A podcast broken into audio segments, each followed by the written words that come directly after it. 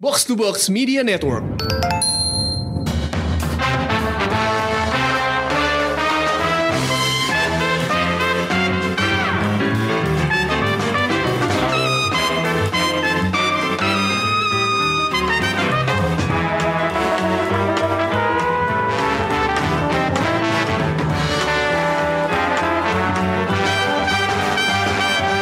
Selamat datang di Showbox Podcast dengan gue Lisa. Gua Angga. Dan gue Amy. Nah, ini adalah episode spesial dari Showbox yang biasanya kita review film, review TV series. Sekarang kita bakal ngomongin berita. Oke. Jadi minggu ini eh, ada berita besar yang datang dari HBO. Apa kabinet bukan? Iya. Datang pakai kemeja putih semuanya. Jadi eh, ini baru sekitar hari Kamis ya. Hari Kamis apa hari Rabu sih gue agak lupa. Cuman Heeh. eh, dia itu mengeluarkan eh, la- apa streaming platform yang I think it's really huge. It's it's gigantic gitu bener-bener. Hmm. Namanya HBO Max. HBO Max dan ini kenapa kita harus ngomongin sampai episode khusus banget karena menurut gue ini bakal uh, set a new bar sih setelah kita ngelihat uh, dulu kan udah ada Netflix tuh kalau di kalau di negara kita ada Hook, ada iFlix, ada View segala macam. Sementara di Amerika tuh ada Apple Plus, Hulu. ada ada Disney Plus, ada juga Hulu yang lebih cepet ya kalau Hulu soal film kayak gitu-gitu. Terus ada juga Prime. Amazon Prime gitu. Tapi ketika HBO Max rilis uh, dengan uh, line up yang mencengangkan menurut gue, gue nggak tahu dia habis berapa duit gitu ya. Uh, menurut gue ini pantas buat kita bahas gitu dan sekaligus untuk uh, sekaligus kita kayak forecast juga kira-kira tahun 2020 tuh bakal kayak apa nih uh, perang streaming yang dan lo bakal langganan yang mana sih sebenarnya yang yang sekarang lebih kalau orang kan semua kayaknya sekarang yang defaultnya pasti Netflix kan. Mungkin kalau lo mau Amazon Prime ya tambahan lah atau ya nggak bukan pilihan utama kayak gitu. Tapi dengan adanya HBO Max menurut gue ini akan mengubah banyak ini sih banyak akan merebut banyak pelanggan Netflix sih. Eh, nah ini kita omongin dulu eh eh, dia itu bakal launching eh, Mei 2020 di Amerika dulu gitu. Tapi mereka punya target punya 70 sampai 90 juta pelanggan by tahun 2025. Jadi itu dia punya waktu lima tahun untuk kayak banyak berpuluh-puluh juta pelanggan. Jadi eh, dari 90 juta pelanggan itu 50 maunya di Amerika. Berarti kan dia mentargetkan ada sekitar 40 juta pelanggan di eh, pasar internasional kan. Nah ini menarik nih.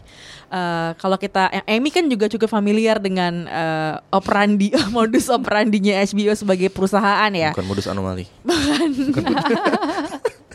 Jadi eh, HBO itu kan cenderung agak slow gitu dia. Ketika Oke. di Amerika udah ada HBO Now dari kapan tahu ya itu HBO Now. Eh, Wah udah lama banget. kita udah sirik-sirik gitu yang di Asia enak banget sih bisa nonton bisa download Ah, dulu terus lo bisa nonton di handphone apa segala macam Eh, HBO Go itu baru ada di Indonesia tuh baru banget ya Baru. Eh, dua, dua tahun terakhir ya Dari tahun lalu sih Dua- gue. 2018 kan Karena biasanya HBO Go itu sebenarnya di Asia udah rada lama. Hmm. Tapi Cuman baru di di, Filipina. Indonesia nggak bisa diakses. Ya. Karena Eh, karena urusannya copyright Izin. kan. Oke. Dan Masalah izin. itu juga eh, ada hubungannya mungkin dengan di sini sudah eh, HBO itu kan premium service ya. Ya. Jadi gua rasa mereka mempertimbangkan banyak hal untuk bikin eh, HBO Go di sini tuh eh, pasti banyak pertimbangannya lah. Ya. Salah satunya adalah kan eh, jujur aja ya orang Indonesia kan eh, kadang disuruh bayar kagak mau ya. yo jujur aja gitu. Eh, dan di sini pun akhirnya HBO Go tidak bisa diakses oleh semua orang. Iya. Eh, hanya pelanggan HBO. First Media kalau nggak salah. Yang langganan HBO baru Eh, First Media dan IndiHome Ya, baru First dua Media itu dan. IndiHome, IndiHome. yang berlangganan HBO baru dapat akses dan Iya. itu aksesnya gratis. Iya. Uh, jadi sebenarnya ada ribet nih mau nonton Hmm. mau nonton karya-karya HBO tuh lo harus langganan dulu. Iya. Intinya lo harus punya duit Dua ekstra step, lah buat step. Ya, jadi nggak kayak Netflix yang Nggak bayar, gampang lah Lo ya. bayar Bayar sekali, langsung beres. Ya, beres. Terus lo bisa nonton di gue gue lupa deh Netflix itu yang basic langganan berapa device ya?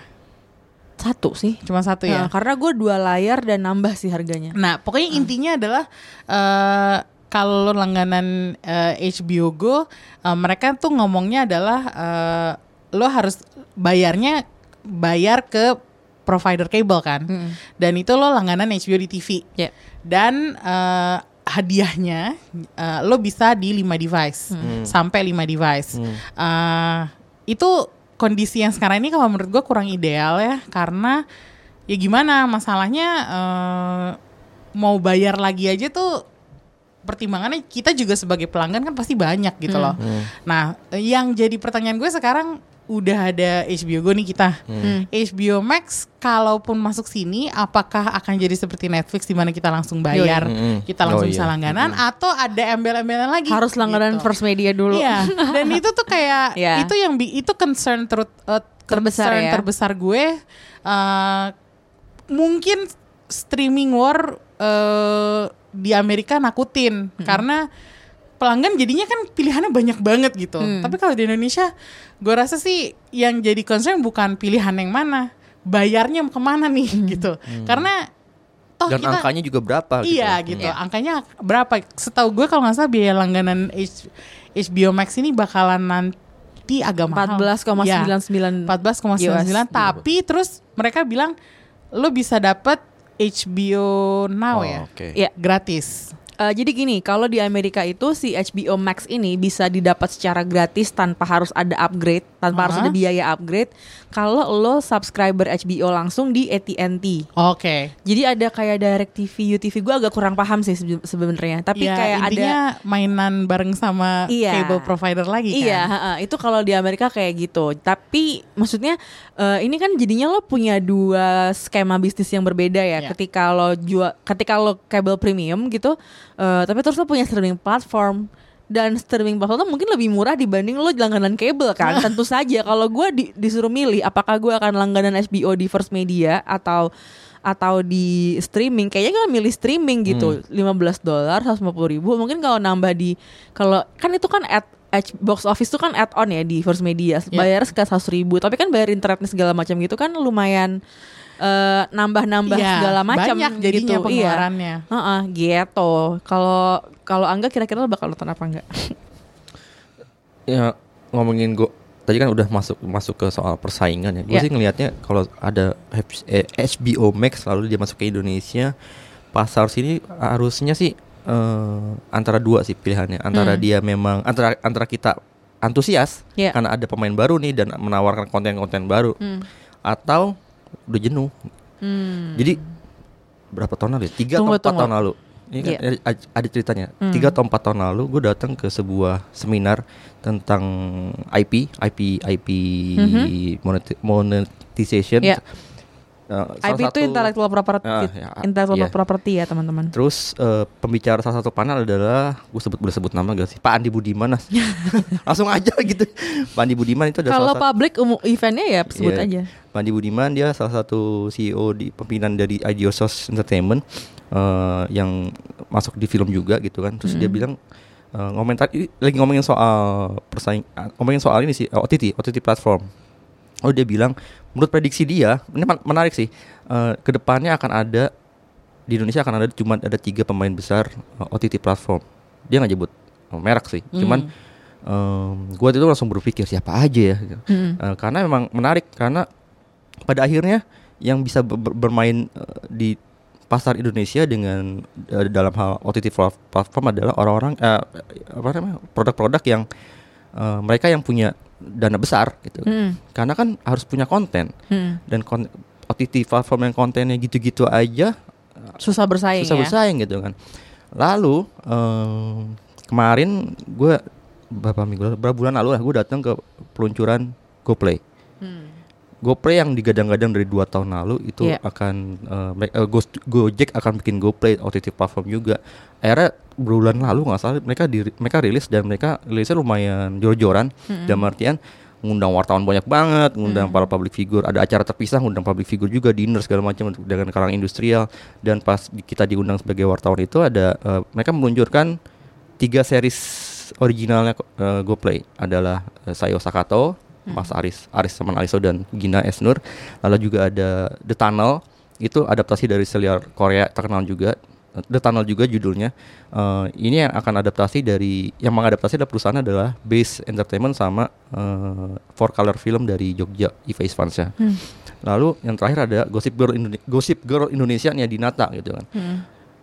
langkah yang di yang dipakai sama Go GoPlay ini menarik banget karena dia tahu cara untuk eh, dia paham cara untuk menarik audiens dari eh, audiens OTT adalah dengan bikin konten original bukan Hmm. konten-konten bukan semata-mata konten dari bioskop yang udah tayang di bioskop lalu lu tayang di eksklusif di di OTT platform karena itu kan sebenarnya jadi kayak buang, bukan buangan kayak cuman eh, orang-orang yang udah udah nonton duluan atau pengen nonton lagi atau orang yang belum pernah nonton nonton di platform gitu kan Hmm. Dan ini sebenarnya dilakukan oleh Netflix kan dia memak dia buang-buang duit banyak banget sampai sekarang untuk bikin konten original di Netflix dan itu mem- ya memang akhirnya bisa menaikkan customer eh, apa eh, ya pelanggannya kan Hmm. gue berpikir ini akan HBO Max akan dengan konten dia sebanyak itu, dengan dia punya sumber dana yang besar, terlepas mungkin nanti gimana aksesnya juga. Tadi si eh, Amy udah bilang gimana cara aksesnya itu jadi masalah juga buat dia. Tapi dengan dia punya backup gede dari segi fun dan dari segi konten, ini akan jadi ancaman sih sebenarnya buat eh, para OTT player yang udah lama, yang udah duluan di Indonesia gitu.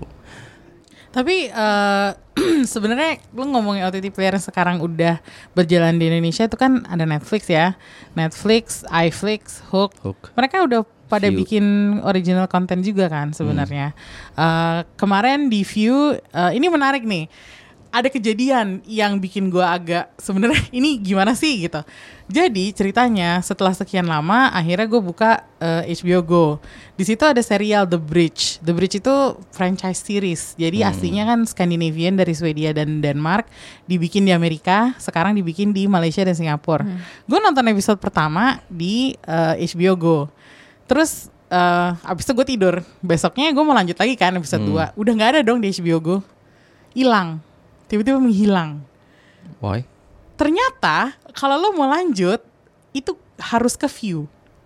Jadi gue pindahlah ke view.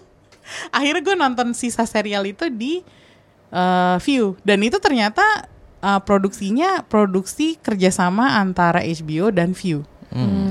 Di mana akhirnya se- secara streaming rights-nya ada loh streaming rights itu ya. Jadi di luar Malaysia di lu- eh, di streaming di view. Hmm, gitu. Tapi di Malaysia di streaming oleh HBO Go. Nah ini saat- tricky banget. Itu tricky banget. Karena Jadi kan kita pelanggan ya, kita nggak mau disusahin dengan yang betul. teritorial gitu. Jadi gue sebenarnya agak kar tapi ini gue bisa akhirnya mikir eh, gue harus nonton di mana kan mungkin karena gue ngerti seluk beluk di belakangnya kan? Iya. seca- secara gue pernah kerja di majalah film. Iya. jadi gue tahu gue harus cari infonya seperti apa. Nah ini kalau misalnya ada kasus kayak gini nih masalah distribution rights gitu. Untuk film aja itu nggak sesimpel itu. Kayak kemarin gue non eh, baca Twitter ada salah satu distributor film di Indonesia yang ditanyain soal se- sebuah film yang ternyata nggak mereka pegang. Orang kan nggak banyak tahu soal distribusi film tuh kayak gimana gitu. Eh, bisa jadi di luar di Amerika distribusi oleh Paramount seperti Terminator Dark Fate di Amerika Paramount. Tapi di Indonesia itu di luar Amerika itu oleh 20th Century Fox yang mana Fox itu sudah dimiliki oleh Disney. Jadi di Indonesia yang pegang Uh, kalau lu dapat undangan gitu ya undangannya tuh dari Disney gitu itu agak rancu sih dan ini berpotensi untuk bikin kita meskipun mereka akhirnya bisa masuk ke sini belum tentu kita bisa menikmati ap- apa yang disuguhkan di Amerika gitu loh betul. dan ini Gue setuju sih. itu sesuatu Ya. yang harus diluruskan juga ya Ya. sama uh, provider-provider ini OTT service ini tuh nggak segampang itu gitu loh meskipun Kayak Netflix aja kan beda ya, Ya. isinya. Netflix US sama Netflix Indonesia tuh Jauh. lumayan jauh ya Jauh, bedanya. Eh, Teman-teman gue banyak yang pakai VPN kan. Kalau gue sih nggak pakai VPN ya. Jadi gue nonton apa yang disediain oleh Netflix Indonesia aja. Toh di situ juga judulnya udah banyak banget kan. Tapi ada orang-orang nih yang ah jelek nih programmingnya Indonesia. Gue mau pakai VPN lah. Kayak gue Gitu. mau nonton Booksmart secara legal aja tuh harus Iya. pakai eh, Netflix Prancis kan. Jadi gue Iya. ya nggak bisa. Gue juga males pakai VPN. Sebenarnya terus gue pernah baca eh, bahwa sebenarnya Netflix itu rolling. Jadi Hmm. misalnya setelah setahun nih acara yang tadinya ada di Netflix eh, UK misalnya, dia akan di rolling ke Asia. Nanti acara yang ada di Asia berikutnya akan rolling ke Hmm. Amerika. Misalnya kayak gitu. Tentunya Asia belakangan mulu. Iya, tentunya. Itu yang bikin gue sebel. Eh, jadi eh, sebenarnya OTT itu nggak gampang juga ya. Maksudnya kalau kalau tahu di belakangnya tuh rada ribet juga dan eh, yang sudah kejadian adalah nggak semua acara yang oke mungkin Netflix kan Netflix nggak pernah mau buka angkanya kan. Ya. Jadi mereka punya uang besar, punya budget besar, punya uang banyak. eh hasilnya ratingnya kayak gimana tuh nggak ada yang tahu. Ya betul. Jadi mengukur kesuksesannya tuh dari mana gitu dan eh, kalau misalnya memang eh, banyak OTT nanti yang berha- ber, ber- bermunculan, gue yakin banget pastinya nanti yang bertahan tuh bener-bener hanya yang punya konten kuat. Jadi Iya, iya. dana besar, konten kuat, udah itu aja sih dipegang itunya aja sih. Betul. Jadi eh sekarang ini kalau gue lihat di Indonesia kita udah cukup maju nih yang ada di sini. iFlix tuh sudah memproduksi serial original. Terus Hook punya serial original. Jadi mereka melibatkan sineas lokal ya. Jadi mereka nggak cuman sekedar Iya. oh hire orang dari luar, hire orang dari eh, Australia, dari Singapura atau gitu. Di sini tuh beneran eh, udah melibatkan tadi juga lo GoPlay juga udah ini kan udah eh, nyebutin nama-nama yang terlibat tuh kan nama-nama orang filmnya Indonesia yang Indonesia gitu. prominent. Nah, Tapi kalau nanti di HBO Max bakal ada Friends. Kalau di Amerika tuh kan South Park ada di Iya. Hulu kan. Jadi kayak bakal ada film-film studio Ghibli. Wow. Bakal ada eh, kura apa kurasi film-film klasik yang dari Criterion. Wow lagi. Jadi cukup gede sih saingannya. Sebenarnya kalau film klasik juga ada ya di Iya, Netflix. ada ada. Cuman, nah, itu dia. Maksudnya iya, ini maksudnya gila-gilaan. eh, sekarang Film-film DC sekarang juga ya. tinggal kuat-kuatan aja, kuat-kuatan duit. Sama satu hal yang gue perlu tambahin. Jadi ini lagi-lagi gue datang ke acara sebuah acara film financing di Jakarta juga beberapa bulan lalu. eh, Akatara. Jadi situ ada forum mm, ngomongin soal itu OTT sekali lagi. Jadi ada dari Hook, ada dari iFlix. Eh sorry dari Hook, dari Catch, dari View sama satu lagi gue lupa. Maxstream gue nggak salah. Hmm. eh mereka akhirnya ngomongin soal gimana gimana mereka sebenarnya dalam beberapa tahun terakhir eh, mereka berusaha untuk dapetin customer Hmm. karena kan sebenarnya nggak gampang membuat Hmm, orang di download dan udah download membuat orang dia tetap stay dan nonton terus gitu kan nggak gampang. Eh, itu yang paling susah sebenarnya ketika di eh, sebuah OTT platform baru datang dan berbisnis di di di, di negara mana pun sebenarnya. Memancing supaya customer mau datang dan mau, mau download dan mau nonton di situ terus-terusan. Satu caranya adalah ya dengan promo yang menarik gitu kan baik dengan harga yang turun atau dengan konten dan dan cara lainnya adalah buat konten yang bagus gitu kan itu udah dilakukan oleh beberapa uh, OTT platform kayak Hook bikin Berata yang katanya tuh yang gue konon katanya itu adalah series OTT yang paling mahal yang pernah dibuat di Indonesia Berata Berata itu yang main Oka Antara dan lagi sedang akan dibikin season 2 nya dan itu menarik yang tentang polisi dan dunia kriminal real banget ya kalau view kita tahu dia udah sering bikin series yang ke ke, ke, ke Koreaan Koreaan gitu kan iFlix dia baru ngeluarin apa eh, kisah tanah Jawa horor ya Eh, berikutnya mereka akan ngeluarin satu lagi yang udah diumumin juga tapi gue lupa judulnya maaf ya. kayak gitu. Catatannya nggak ada. Nah, konten-konten or- original mereka udah tahu itu cara dibikin gimana. Tapi yang paling yang paling yang paling harus yang paling susah didapat adalah gimana caranya customer itu masuk ke mereka gitu kan. Yang gila sebenarnya ya ya gua harus eh, harus ngomong di sini adalah ya go go play. GoPlay dengan punya keuntungan karena dia dia satu perusahaan dengan Go Studio eh Go Studio lagi Gojek kan. Dan kita tahu jumlah pelanggan Gojek udah berapa juta. Dan katanya eh, cara cara go, cara GoPlay ini untuk menarik customer adalah dengan ngasih promo-promo menarik ke pelanggan-pelanggan Go, Gojek gitu kan. Itu udah jadi ancaman yang bukan ancamannya gimana cuma maksudnya jadi jadi sisi persaingan yang menarik aja gitu dari di kalangan para OTT player gitu. Oke. Kalau ngomong-ngomong soal budget gede-gedean, ada nih yang baru dapat duit gede. Siapa tuh? 250 juta Dolar. dolar. Wanjir. Terus David Benayo sama Dan Wise dulu adalah showrunnernya Game of Thrones. Dari Jadi Netflix ya? ini selain ada berita, iya dari Netflix. Jadi Oh. selain ada berita HBO Max, di akhir acara cukup ada pengumuman yang bikin gong gitu bahwa ter- akan ada prequel Game of Thrones. Ini diumumkan beberapa jam setelah HBO HBO bilang mereka nggak akan produksi eh, prequelnya Game of Thrones yang dibintangi oleh Naomi Watts. Jadi kayak awalnya orang tuh udah yang kayak ya nggak jadi nih ada prequel Game of Thrones terus dia ngumumin HBO Max terus akhirnya dia bilang jadi Eh, walaupun yang diiyain tuh beda banget gitu ya dan eh, tentu saja bukan eh, Double D lagi yang jadi showrunnernya yang jadi showrunnernya adalah George Martin sendiri sama Ryan Condal dari Colony dan eh, judulnya Blood Moon Kak, kalau nggak salah working title-nya itu working title-nya gitu jadi eh, eh bukan House of Dragons, House of Dragon. yang dibatalin Blood Moon, Blood Moon, hmm. yang dibatalin Blood Moon jadi Kita kayak ngeliat- ngeliat Targaryen lagi. Targaryen lagi. Hmm. Ini ceritanya kalau nggak salah 300 tahun ya sebelum kejadian yang waduh. kemarin di series Game of Thrones gitu. Eh, jadi orang-orang yang awalnya kayak udah lemas nggak jadi ada prequel Game of Thrones, tapi ternyata terus jadi ada prequel Game of Thrones walaupun itu di entirely different thing ternyata ternyata ada empat project eh, prequel yang yang lagi di dikerjain gitu ya secara berbeda orangnya beda-beda tapi ternyata yang diiyain adalah yang House of the Dragon jadi emang ya kayaknya dia nggak mau kehilangan daya tarik naganya itu ya. sebenarnya orang nonton nonton Game of Thrones pengen lihat naganya pengen lihat ya itu orang dihabisin pakai api-api kayak gitu gitu Kayak lelang ya, kayak lelang. Kenapa? gitu. Kayak lelang. Oh, lolos lelang. Eh, cuman yang menarik tuh sebenarnya pergerakan Hah? selain drama eh, di di apa sih apa di cancel atau apa nggak di order segala macam dari prequelnya itu sebenarnya pergerakannya si David Benayev sama Dan Weiss sendiri sebenarnya juga menarik nih karena yang tadinya dia udah ngerjain series 8 buru-buru buat ngerjain Star Wars terus ternyata Star Warsnya nggak jadi, jadi. gitu jadinya mereka malah ngambil dealnya Netflix gitu Waduh. kabarnya sih sebenarnya eh, katanya Kathleen Kennedy tuh nggak happy ketika tahu mereka sign Sama Netflix. multi-year deal sama Netflix tuh katanya eh, pihak Lucas pihak Disney tuh nggak nggak seneng lah gitu. Jadinya mungkin jadi dipertanyakan komitmennya apa gimana. Akhirnya tiba-tiba keluarlah berita. Jadi kan mereka dapat deal sama Netflix tuh bulan Agustus which is itu kayak udah selesai Game of Thrones segala macem gitu. Dan kabarnya emang mereka itu nggak mau ngerjain Star Wars sebelum Game of Thrones selesai jadi kayak gue mau kerjain dulu Game of Thrones sampai selesai, habis itu gue baru mau fokus ke Star Wars gitu. Dan di Star Wars tuh kan dia didaulat untuk bikin trilogi kan, trilogi lagi.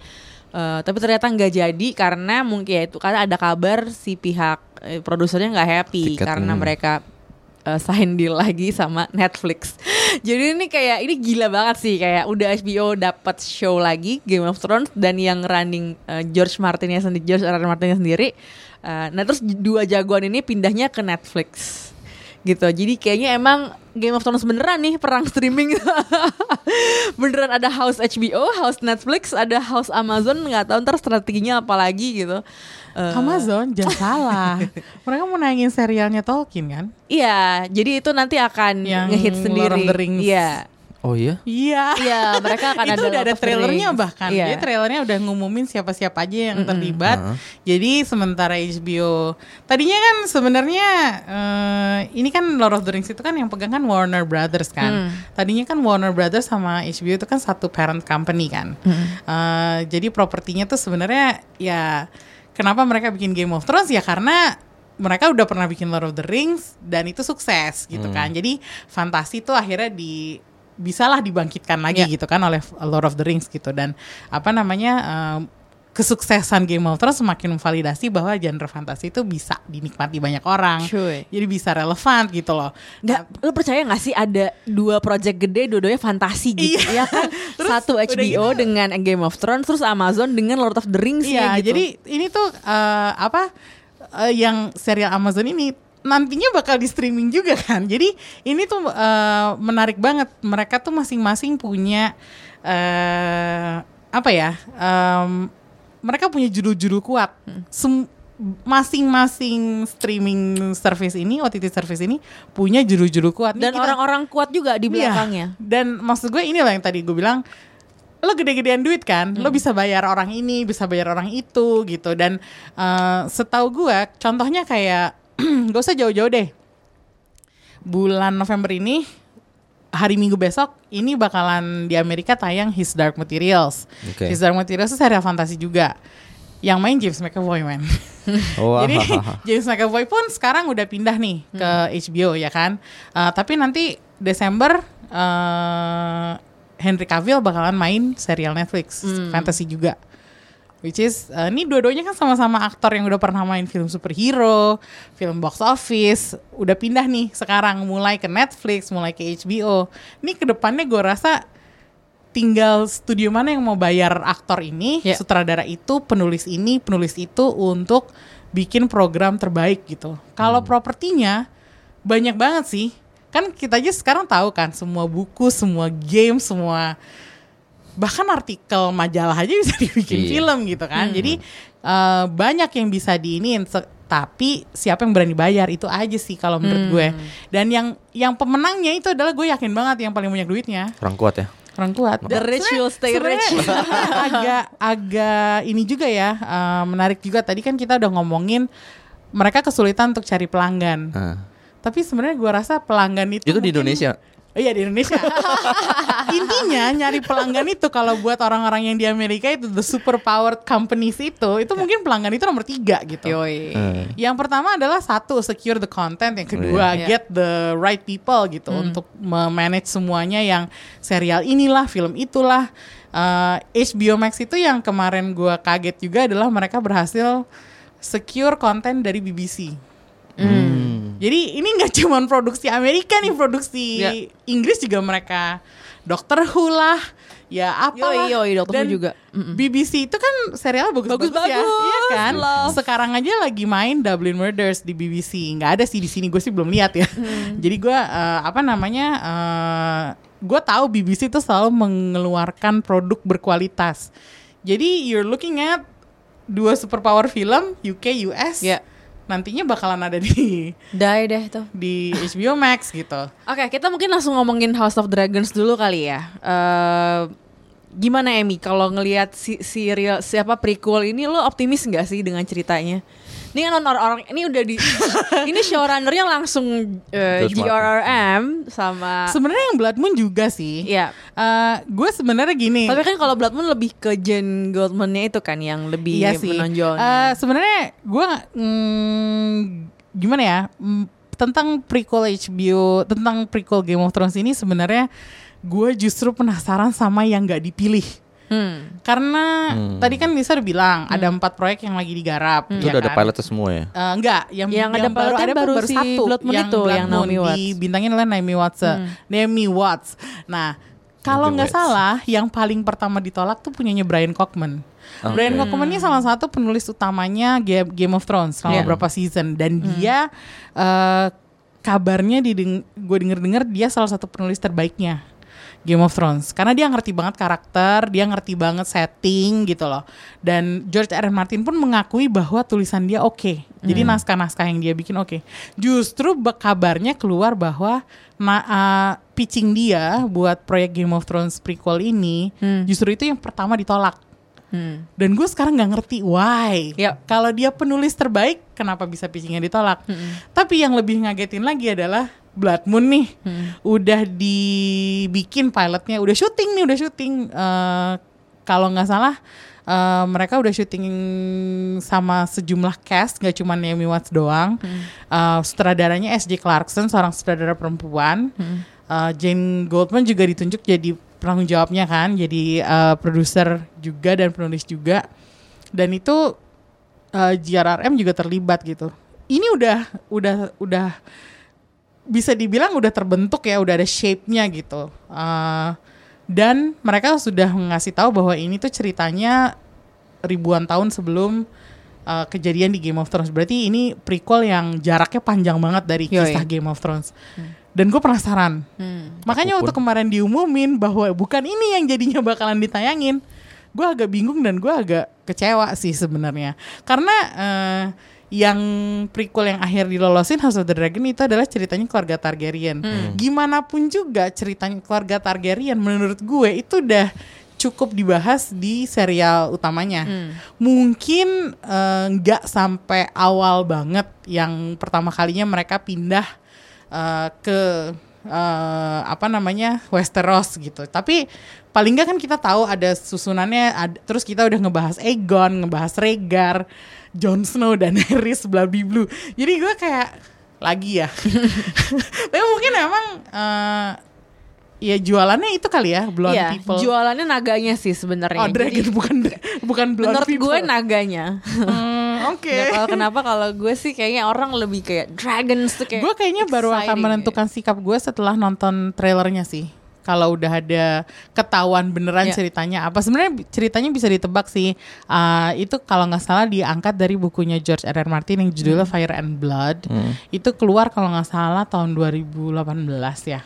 Eh, belum lama kok keluarnya dan bukunya masih hardcover gue inget banget karena eh, harga e-booknya pun mahal gitu jadi gue bacanya eh, akhirnya gue bacanya tuh hanya excerpt doang gitu dan itu ceritanya hanya tentang kenapa keluarga Targaryen bisa menguasai Westeros Hmm. yang konflik dengan keluarga-keluarga Seven Kingdoms itu dengan naga-naganya ya banyak. dengan naga-naganya sampai akhirnya mereka eh, jatuh karena Robert's Rebellion itu gitu Kalau enggak gimana enggak?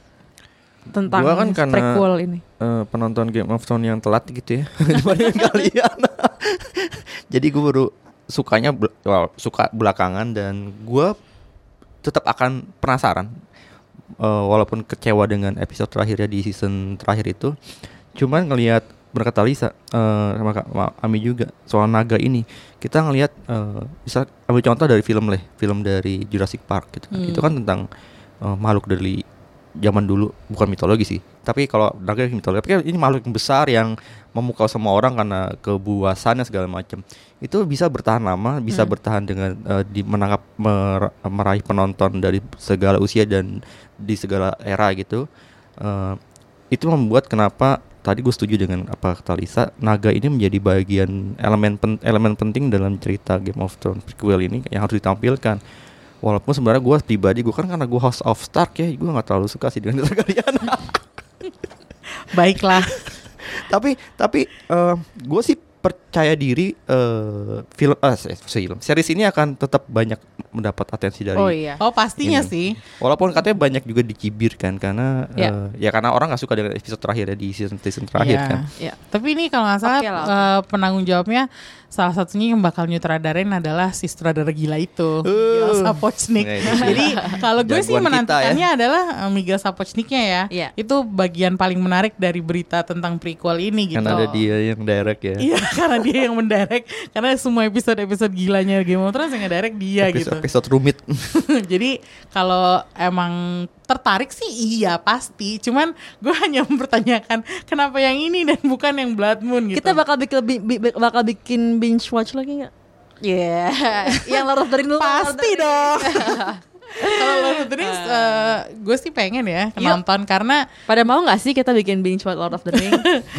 Trailernya sih bikin gue terharu sih. Gue penggemar Lord of the Ring, jadi Wah, pasti love, nonton. love, love. Oke, mungkin segitu dulu eh, episode spesial tentang HBO Max dan juga streaming war dan juga prequel dari Game of Thrones. Kalau boleh gue recap harganya nih nanti di ini baru harga Amerika ya karena kan belum ada di sini.